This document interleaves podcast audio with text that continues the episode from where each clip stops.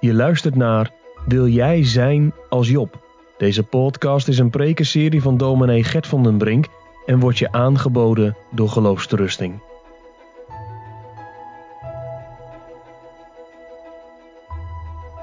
Wij openen het woord van God en de prediking zal zijn uit Job hoofdstuk 27. Maar ik wilde daar aan voorafgaande nog graag twee andere stukjes uit Job lezen. En we beginnen bij Job hoofdstuk 1, de eerste paar versen. En daarna een paar versen uit Job 22. Dus Job 1, 22 en 27. Het staat allemaal op het bord vermeld. En het woord van God spreekt dan als volgt tot ons, te beginnen in Job 1, vers 1 tot en met 3. Er was een man in het land Us, zijn naam was Job. En deze man was oprecht en vroom en godvrezende en wijkende van het kwaad. En hem werden zeven zonen en drie dochters geboren. Daartoe was zijn vee zevenduizend schapen en drieduizend kamelen, vijfhonderd juk ossen en vijfhonderd ezelinnen. Ook was zijn dienstvolk zeer veel, zodat deze man groter was dan al die van het oosten. Wij gaan verder lezen in Job 22. We lezen daar een gedeelte van de vriend Elifas. Elifas is van de drie vrienden eigenlijk nog de meest uh, milde vriend. Maar intussen is hij aan de derde toespraak aan Job begonnen en van zijn mildheid is helaas weinig meer over. Wij lezen vers 1 tot en met 10 van hoofdstuk 22. Toen antwoordde Elifas de Themanieten, zij zal ook een man Gode profijtelijk zijn, maar voor zichzelf zal de verstandige profijtelijk zijn. Is het voor de almachtige nuttigheid dat gij rechtvaardig zijt, of gewin dat gij uw wegen volmaakt? Is het om uw vrezen dat hij u bestraft, dat hij met u in het gericht komt? En dan vanaf vers 5 komt er een hele reeks beschuldigingen. Is niet uw boosheid groot? En aan uw ongerechtigheid is geen einde. Want gij hebt uw broederen zonder oorzaak pand afgenomen en de klederen van de naakte hebt gij uitgetrokken. Aan de moeder hebt gij geen water te drinken gegeven. En van de hongerige hebt gij het brood onthouden. Maar was er een man van geweld, voor die was het land. En een aanzienlijk persoon woonde erin. De weduwen hebt gij ledig weggezonden. En de armen van de wezen hebt ge, zijn verbrijzeld. Daarom zijn strikken rondom u en vervaardheid heeft u haastelijk beroerd. En dan hoofdstuk 27, daar komt de reactie van Job. Job 27, we lezen vers 1 tot en met 6. En Job ging voort zijn spreuk op te heffen en zei, zo waarachtig als God leeft, die mijn recht weggenomen heeft en de Almachtige die mijn ziel bitterheid heeft aangedaan zolang als mijn adem in mij zal zijn en het geblaas Gods in mijn neus. Indien mijn lippen onrecht zullen spreken en indien mijn tong bedrog zal uitspreken. Zij verre van mij dat ik u rechtvaardigen zou, dat ik het met jullie eens zou zijn. Totdat ik de geest zal geven, gegeven zal hebben, zal ik mijn oprechtheid van mij niet wegdoen. Aan mijn gerechtigheid zal ik vasthouden en zal ze niet laten varen. Mijn hart zal die niet versmaden van mijn dagen, al mijn levensdagen. Tot zover. De tekst voor de prediking is Job 27, vers 6. Aan mijn gerechtigheid zal ik vasthouden en zal ze niet laten varen. Mijn hart zal die niet versmaden van mijn dagen. Wij schrijven boven de preek de vraag waarom zou ik eerlijk leven? Waarom zou ik eerlijk leven? Job zegt in dit gedeelte van hoofdstuk 27 dat hij niet zal liegen, geen onrecht zal doen, rechtvaardig zal zijn, vasthouden aan zijn oprechtheid. Allemaal uitdrukkingen die ik maar samen heb genomen in dat woordje eerlijk leven. Job zegt, ik zal, hoe dan ook, wat mij overkomt, ik zal eerlijk leven. Waarom Job? Waarom kies je daarvoor in deze situatie? Dus zodoende de vraag, waarom zou je eerlijk leven? We hebben drie gedachten. Ten eerste eerlijk leven als een voornemen. De tweede, eerlijk leven zonder voordelen. En ten derde, eerlijk leven dankzij oefening. Eerlijk leven als een voornemen, dat is wel duidelijk dat Job zich hier voorneemt, zichzelf belooft en God belooft en zijn vrienden belooft. Zo zal ik leven. Eerlijk leven als een voornemen. Ten tweede, eerlijk leven zonder voordelen, want het levert hem helemaal niets op in deze situatie om zo te leven. Zonder voordelen, wat betekent dat voor ons? Als het ons geen voordelen oplevert, om eerlijk te zijn. En ten derde, eerlijk leven dankzij oefening. Dan gaan we ook terug naar hoofdstuk 1, waar we zien dat hij vanaf het allereerste moment wordt getekend als rechtvaardig en godvrezende en wijkende van het kwaad. Gemeente, wij schrijven boven de preek de vraag waarom zou ik eerlijk leven? En de eerste gedachte is eerlijk leven als een voornemen.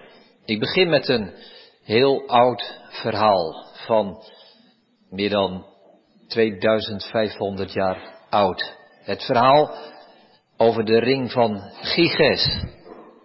Kinderen, kennen jullie dat verhaal? De ring van Giges. Ik denk het niet. Nou luister maar, dat verhaal ging als volgt. Er was een herder en die heette Giges. Hij was in dienst van de koning, de koning van Lydië. En hij was buiten in het veld om de schapen te weiden. En op een dag was er een storm. Een heftige storm die de bomen om liet vallen en zelfs de grond liet scheuren. En Giges kwam op een plek waar de, waar de grond opengescheurd was door het geweld van die storm. En hij, hij keek daar, hij zag wat, hij zag wat glinsteren. Hij bukte zich, hij pakte het. Het was een gouden ring. En Giges pakte die ring en hij schoof hem aan zijn vinger. En hij droeg hem. Hij deed er verder niet zoveel mee. Hij had die gouden ring om. En toen, een paar dagen daarna, hij zat samen met een paar andere herders bij elkaar. En zo gedachteloos zat hij wat aan die gouden ring te draaien. Toen gebeurde er iets bijzonders. Als hij die ring op een bepaalde manier draaide, was die opeens onzichtbaar. Niemand kon hem meer zien. Hij kon de andere mensen nog wel zien. Hij kon overal heen gaan. Maar niemand zag hem Giges meer. Als hij weer terugdraaide, was hij weer zichtbaar. En in die bepaalde stand onzichtbaar. Hé, dacht hij, dat is bijzonder. Toen kwam er een plan in zijn hoofd. Er was namelijk een boodschapper nodig die naar de koning zou gaan, naar het paleis. Hij zegt, nou dat wil ik wel doen, ik wilde wel de boodschapper zijn. Laat, laat mij maar daarheen gaan om dat bericht bij de koning te gaan brengen. En dat was goed. Hij kwam daar aan bij het paleis van de koning. En wat deed Giges? Hij draaide de ring zo aan zijn vinger, zodat hij onzichtbaar was. Hij ging het paleis binnen. Hij verleidde de koningin. Hij doodde de koning en zorgde dat hij zelf alle macht in handen kreeg. Dit verhaal wordt verteld door de filosoof Plato, lang geleden. En die zegt er het volgende van. Niemand, zegt hij, is zo edel van karakter om in zo'n situatie de verleiding te weerstaan. Namelijk, ik citeer, om straffeloos te stelen op de markt, huizen van mensen binnen te dringen en seks te hebben met wie je maar wilt, kortom je te gedragen alsof je een god bent. Als je onzichtbaar kunt zijn, wordt je gedrag anders. Waarom zou je dan nog eerlijk leven? Waarom probeert u, waarom ben jij bezig om netjes, keurig te leven volgens de regels, volgens de geboden en de verboden? Waarom eigenlijk? In één woord, waarom probeer je eerlijk te leven? Is dat omdat het je voordelen oplevert? Is het omdat je straf zou krijgen als je je anders zou gedragen?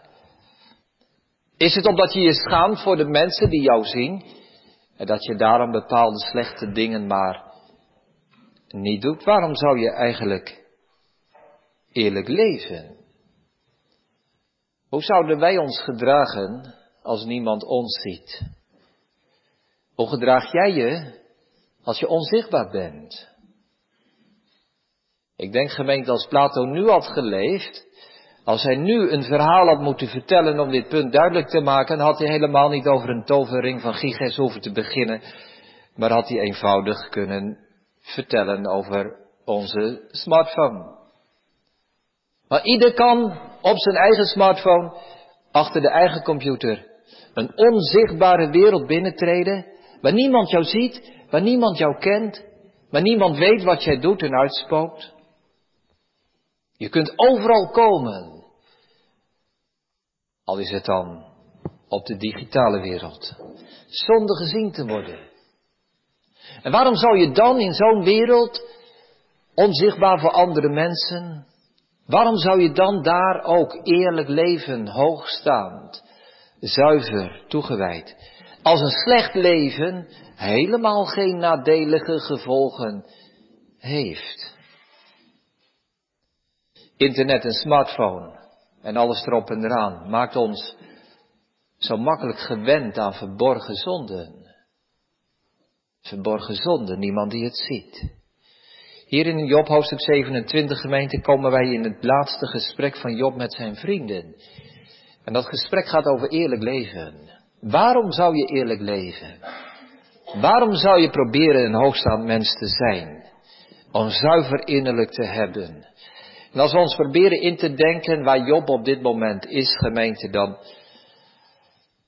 Ja, misschien is het bijna wel het dieptepunt van het boek, hè? Hij heeft zoveel ellende meegemaakt. Hij heeft zijn drie beste vrienden op bezoek gekregen. En ze willen hem troosten. Maar wat doen ze? Ze geven hem een trap na. Ze zeggen, Job, jij bent een onoprechte, liegende man. We hebben samen dat stukje gelezen uit hoofdstuk 22. Het is bijna ongelooflijk dat die Elefas zich zo laat gaan. Hè? Dat hij zegt vanaf hoofdstuk 22 vers 6. Hebt uw broederen zonder oorzaak pand afgenomen en de kleren van de naakt hebt ge uitgetogen. Mensen die al niks hebben, heb je nog beroofd. Aan de moeder hebt gij geen water te drinken gegeven en van de hongerige hebt gij het brood onthouden. Maar was een man van geweld, was, hè, was er iemand die een crimineel zouden wij zeggen. Ja, voor hem was het land. Die gaf je alle ruimte. En aanzienlijke persoon woonde erin. Als mensen maar belangrijk waren, dan was je wel goed voor hen. Maar weduwen, vers 9, heb je leeg weggestuurd. En de armen van de weeskinderen zijn verbrijzeld. Wat een aantijgingen en wat een beschuldigingen. En Job weet dat het niet waar is. Maar dat is niet het enige. Ook God heeft hem dingen aangedaan. Job zegt het in hoofdstuk 27, vers 2. God, zo waarachtig als God leeft, die mijn recht weggenomen heeft. En de Almachtige die mijn ziel bitterheid heeft aangedaan. Dus hij kan ook niet inzien waarom God deze weg in zijn leven gaat. Job stuit op het onbegrip van zijn vrienden.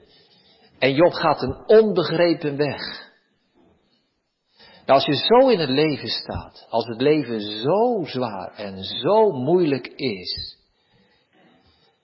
waarom zou je dan nog eerlijk leven? Toch is dat hetgeen wat Job hier zegt als een voornemen, eerlijk leven als een voornemen. Hij zegt het, vers 3, zolang als mijn adem in mij is, en het geblaas Gods in mijn neus. dus uiteraard de verwijzing naar Genesis 2, waar staat dat God de adem blaast in de mens.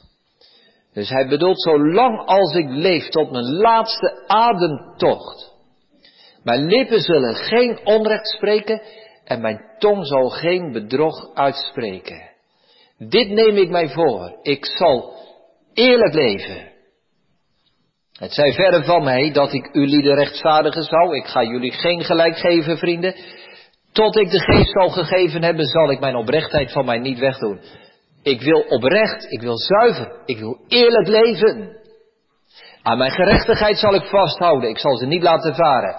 Mijn hart zal die niet versmaden, ik zal, mijn hart zal die niet verachten. Van mijn levensdagen niet.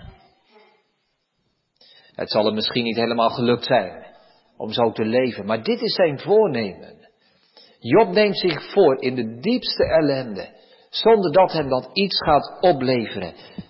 Zo zal ik leven. Nou kinderen, zou het jullie lukken wat Job zegt? Ik ga niet liegen. Hebben jullie wel eens een keer gelogen? Klein leugentje. Kleintje maar. Vast wel. Hoe makkelijk gaat dat niet? Ja zeggen als je nee behoort te zeggen, of nee zeggen als je ja zou moeten zeggen. Maar Job nam zich voor, ik zal het niet doen. Nooit. Geen enkele situatie. Ik wil mensen niet bedriegen. Hij belooft het zichzelf en hij belooft het God. Nooit zal ik liegen. Nou, dan komt die vraag naar ons toe, gemeente. Waarom zou, waarom zou ik eerlijk leven? Nemen wij ons dat ook voor? Om nooit te liegen, liegen. Om mensen geen onrecht aan te doen en niet te beschadigen. Nemen wij ons dat ook voor om oprecht en zuiver in het leven te staan. Aan mijn gerechtigheid zal ik vasthouden. Neem je dat nog steeds voor, ook als je Gods weg in jouw leven niet begrijpt? Neem je het ook voor als je vrienden je afwijzen? Zelfs wellicht godsdienstige vrienden. Wil je dan nog steeds oprecht en eerlijk leven? Of ben jij als die herder in het verhaal van de ring van Giges? Is jouw gedrag alleen maar bepaald door angst voor wat andere mensen zien en de gevolgen die het zouden hebben als duidelijk is hoe jij leeft?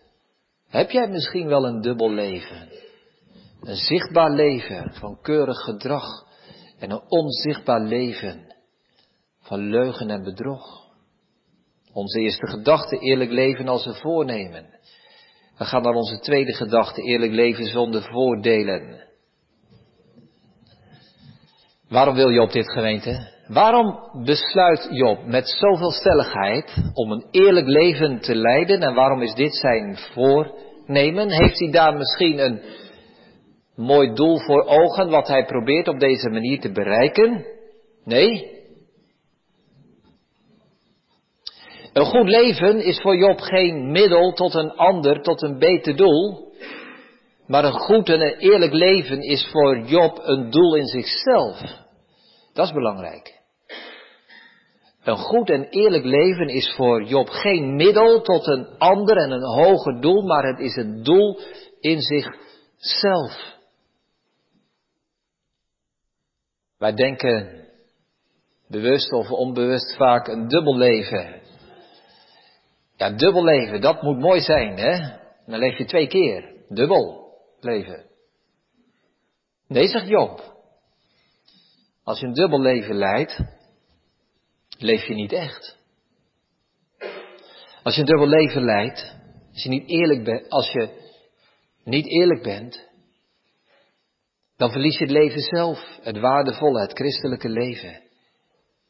Dus Job die zegt, ik zal eerlijk leven als het mij geen voordelen oplevert. Zelfs als mijn vrienden mij beschuldigen. Zelfs als God mij bitterheid aandoet. Ook dan ook dan wil ik eerlijk leven. Het levert mij totaal niets aan voordelen op. En toch, ik kies daarvoor, want ik wil als een doel in zichzelf, ik wil eerlijk in het leven staan. Ik wil geen mensen bedriegen. Ik wil niet liegen. Ik wil niet profiteren van andere mensen. Dus één moment in het hele Bijbelboek waar Job een eed zweert, en dat is precies hier. Zo waarachtig als God leeft, zegt hij. Er is één moment in het Bijbelboek waar Job God aanroept als zijn getuige. Dit is mijn voornemen, zo wil ik leven.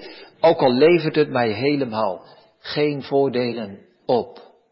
Wat kan dat voor ons betekenen, gemeente? Als wij, als u en jij en ik, als wij proberen eerlijk te leven zonder voordelen. Als een doel is in zichzelf. Laat ik een paar voorbeelden geven. Dat kan zijn dat je je leven lang vecht tegen een bepaalde zonde in jouw leven. Zonder dat dat jou veel voordelen oplevert. Misschien is er een heimelijke, verborgen zonde in jouw leven waar je tegen strijdt, waar niemand van weet of bijna niemand. Het kost je heel veel energie. Het kost je inspanning en kracht. Je denkt, wat levert het eigenlijk op om die strijd te voeren? Wat voor voordeel heeft dat? Dat heeft geen voordeel. Behalve dit voordeel, dat het goed is om die strijd te voeren. Dat het goed is om die strijd te voeren. Waarom zou ik zuiver en oprecht in het leven staan als mij dat niks oplevert? Nee, het levert je niks op. Behalve dit, dat je dan zuiver en oprecht in het leven staat. Waarom zal ik niet af en toe eens een leugentje op best wil doen? Het kan me zoveel opleveren, het kan me zoveel ellende besparen. Af en toe een keer liegen kan toch best? Ja, maar je wilt de waarheid spreken en dat is een doel in zichzelf. Er was een keer een man in de Tweede Wereldoorlog die gearresteerd werd, meegenomen werd, gevangen werd gezet, afgevoerd naar een concentratiekamp. En daar kwam deze man terecht in zo'n vieze, vunzige barak. Zo'n hok waar hij leven moest met heel veel andere mensen. Er was gebrek aan alles. Het stonk er verschrikkelijk. Er was geen water, er waren geen handdoeken, er was geen wc-papier. Er was eigenlijk niks. Alles was vies. En die man die moest daar leven. En toch, elke morgen als hij opstond, waste hij zijn gezicht, al was het maar met, met klein beetje vuile water dat hij had. En moest hij zich afdrogen met een puntje van een handdoek die er al dagen hing. Hij kamde zijn haren, misschien wel met zijn, met zijn vingers, omdat hij geen kam had. Maar hij wilde dat doen. Hij wilde wat hij altijd gedaan had in het leven vasthouden. Wat voor voordeel heeft dat? Ja, dat heeft geen voordeel, maar hij wilde zichzelf niet verlagen tot die stinkende modder waar hij in moest leven. Hij wilde ook daar een waardig mens zijn. Nou, daar zit de les in voor ons, gemeente.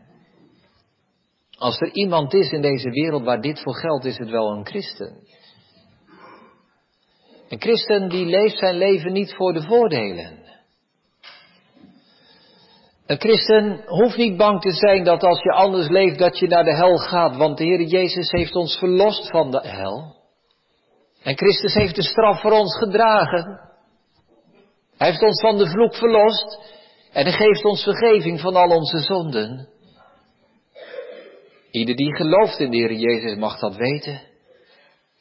En we mogen tegen elkaar zeggen, gemeente, als Christus al onze zonden gedragen heeft op het hout, dat er geen enkele zonde in ons leven is die ons uit de hemel houden kan. Wij hoeven ons leven ook niet te leiden. Hè, wij hoeven niet proberen een goed leven te leiden om daarmee de hemel te verdienen. Dat zou een dwaze gedachte zijn. Wij kunnen helemaal niets verdienen. Het eeuwige leven is niet iets wat wij moeten verdienen, maar wat God uit genade geeft aan ieder die gelooft. Dus je hoeft niet bang te zijn voor de hel en je hoeft de hemel er niet mee te verdienen. Waarom zou je dan nog goede werken doen? Waarom zou je nog proberen om een oprecht en eerlijk leven te leiden? Als het helemaal geen voordelen lijkt op te leveren, is deze boodschap van de Bijbel niet heel gevaarlijk? krijg je daar niet zorgeloze en goddeloze mensen van die zeggen, nou, nu kan ik lekker uh, erop losleven, want het doet me niks, ik hoef nergens bang voor te zijn. Nee, gemeente, juist een christen. Al levert je geen voordelen op. Maar juist een christen zegt, ik wil eerlijk leven, want het is een doel in zichzelf. Zo wil ik leven. En daar werkt de Heilige Geest ook op aan.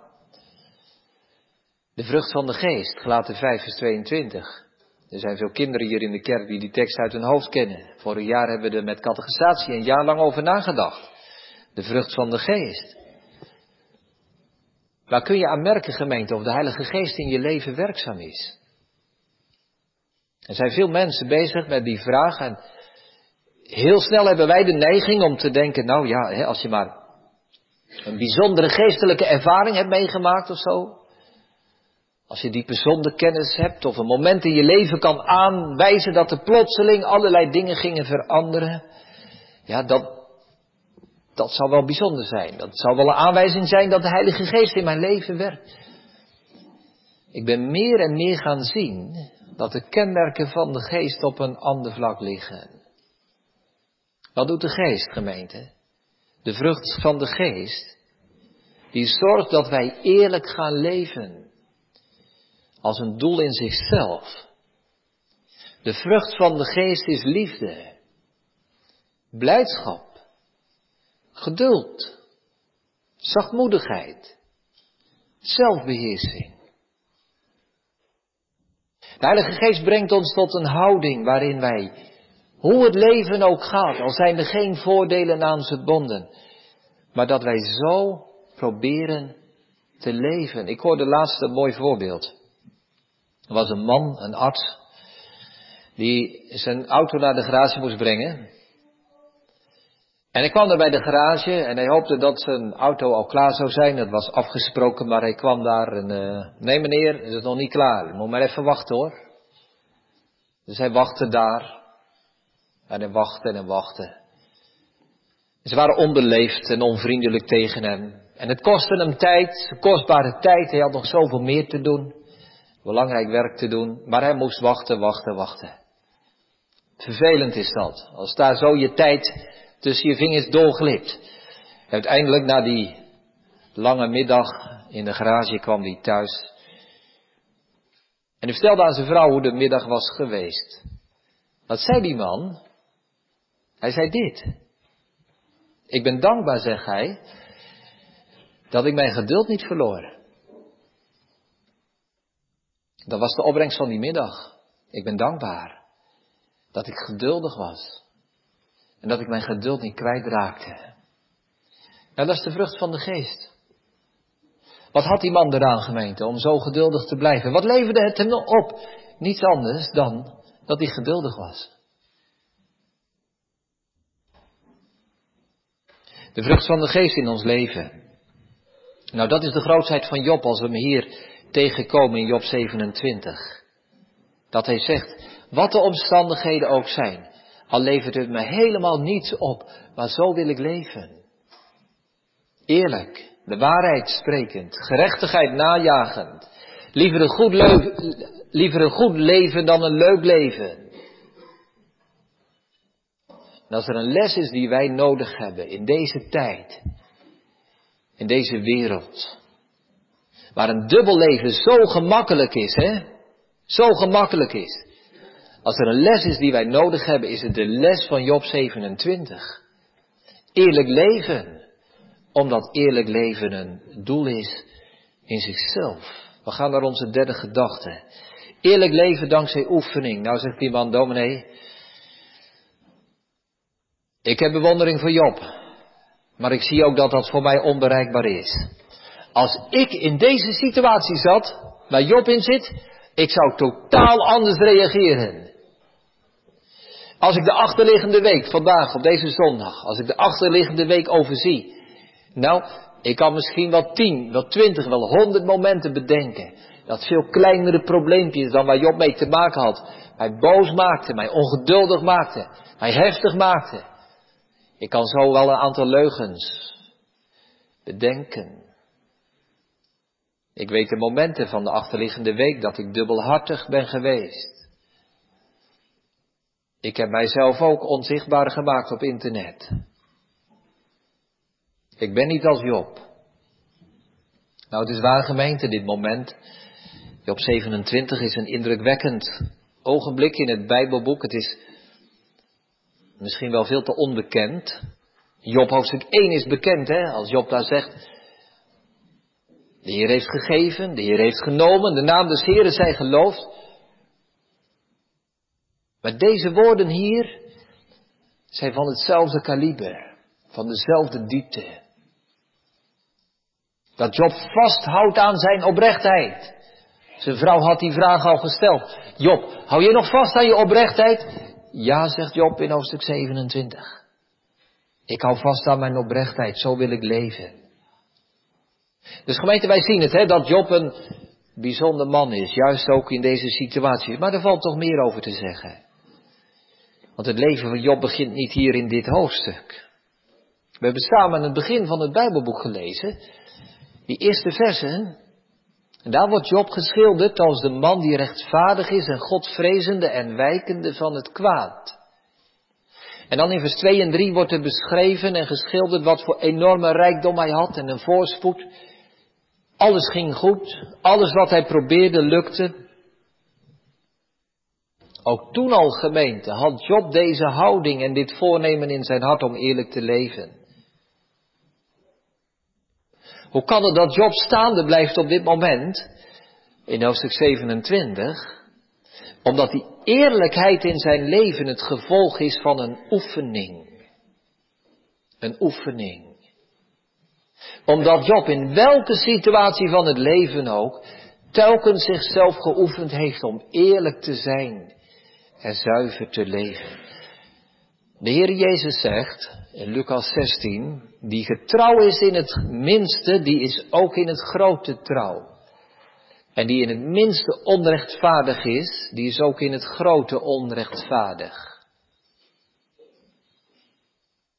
Als je in kleine dingetjes oneerlijk bent, ben je ook in grote. Als je in kleine dingen eerlijk bent, in de gang van elke dag, ben je het ook in de moeilijke situaties. Ja, dus als je die kleine leugentjes om best wilt toelaten in, in jouw leven, ben je over een tijdje een beroepsleugenaar geworden. Jezus zegt het zelf. Onrechtvaardig in het minste. Als je nu een dubbel leven leidt, weet je binnenkort niet meer wat je echte leven is. Als je nu alleen maar netjes leeft, keurig gedrag vertoont, omdat het jouw voordelen oplevert, omdat het nu eenmaal hoort als kerkmens, omdat de mensen om jou heen jou zien. Als het alleen maar buitenkant is en gedrag is, heb je straks geen antwoord als God jou naar je hart vraagt. Als er nu zonden in jouw leven zijn die onzichtbaar zijn voor andere mensen, zal God eenmaal al jouw zonden aan de wereld bekendmaken.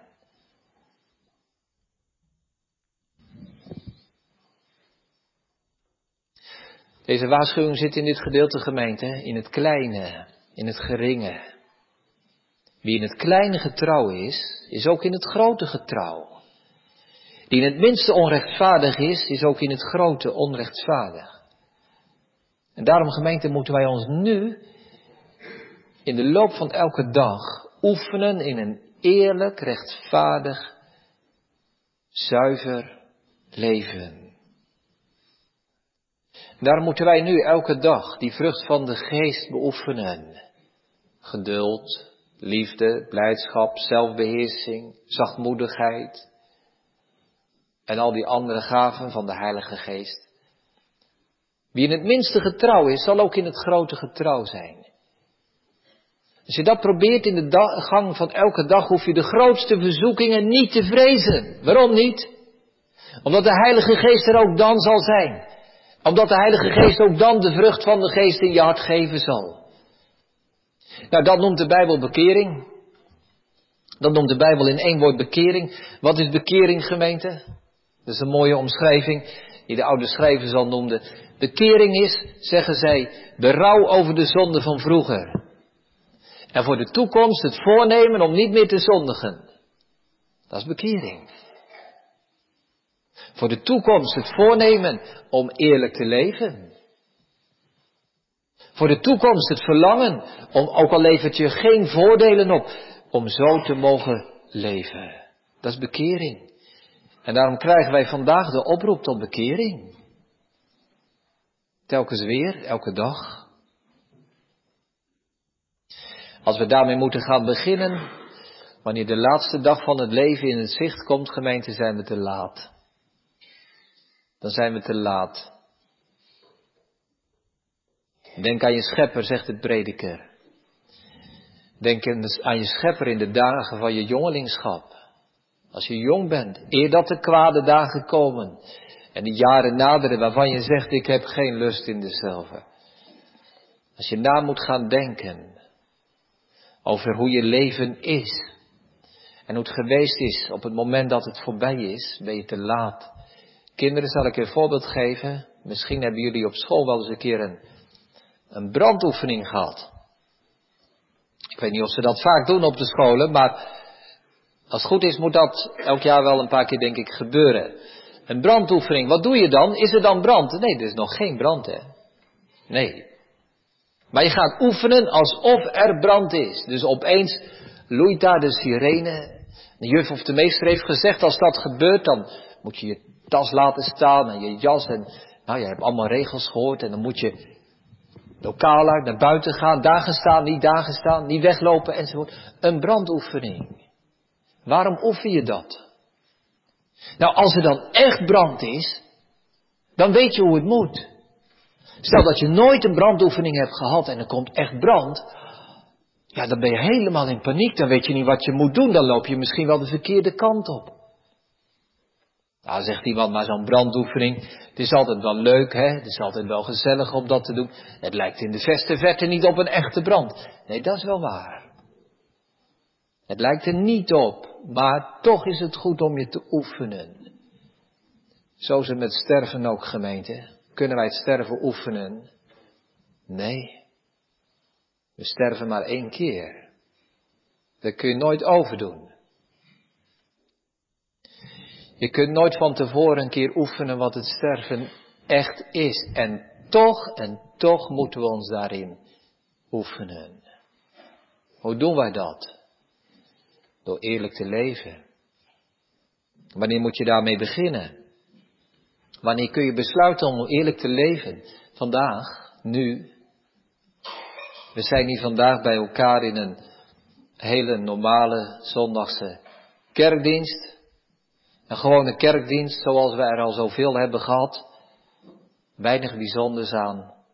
En toch mag dit het moment zijn waar je een begin maakt. Waar je besluit, hoe wil ik leven? Kies maar. Wat wil je? Hoe wil jij de toekomst ingaan die vandaag begint? Wil ik eerlijk leven of wil ik oneerlijk leven? Kies maar. Eerlijk of oneerlijk? Wil ik oprecht zijn of egoïstisch? Wil ik één zuiver leven of wil ik een dubbel leven? Kies maar. Vandaag begint het. Vandaag valt de beslissing. Ja, maar wat levert dat mij op? Wat levert dat mij op? Om eerlijk te zijn. Niets. Behalve een eerlijk leven. En de wetenschap dat je daar nooit spijt van krijgt. Nooit. En zeker niet de laatste dag van je leven. Wanneer moeten wij ons bekeren, gemeente? Vandaag. Wanneer moeten wij het voornemen van Job het onze maken? Vandaag. Misschien is het daarvoor nodig dat je dingen beleidt aan mensen om je heen. Misschien dat eerlijk leven begint met vertellen dat je een dubbel leven hebt gehad. Eerlijk leven. Vandaag begint de toekomst. Wij weten niet wat de toekomst brengen gaat.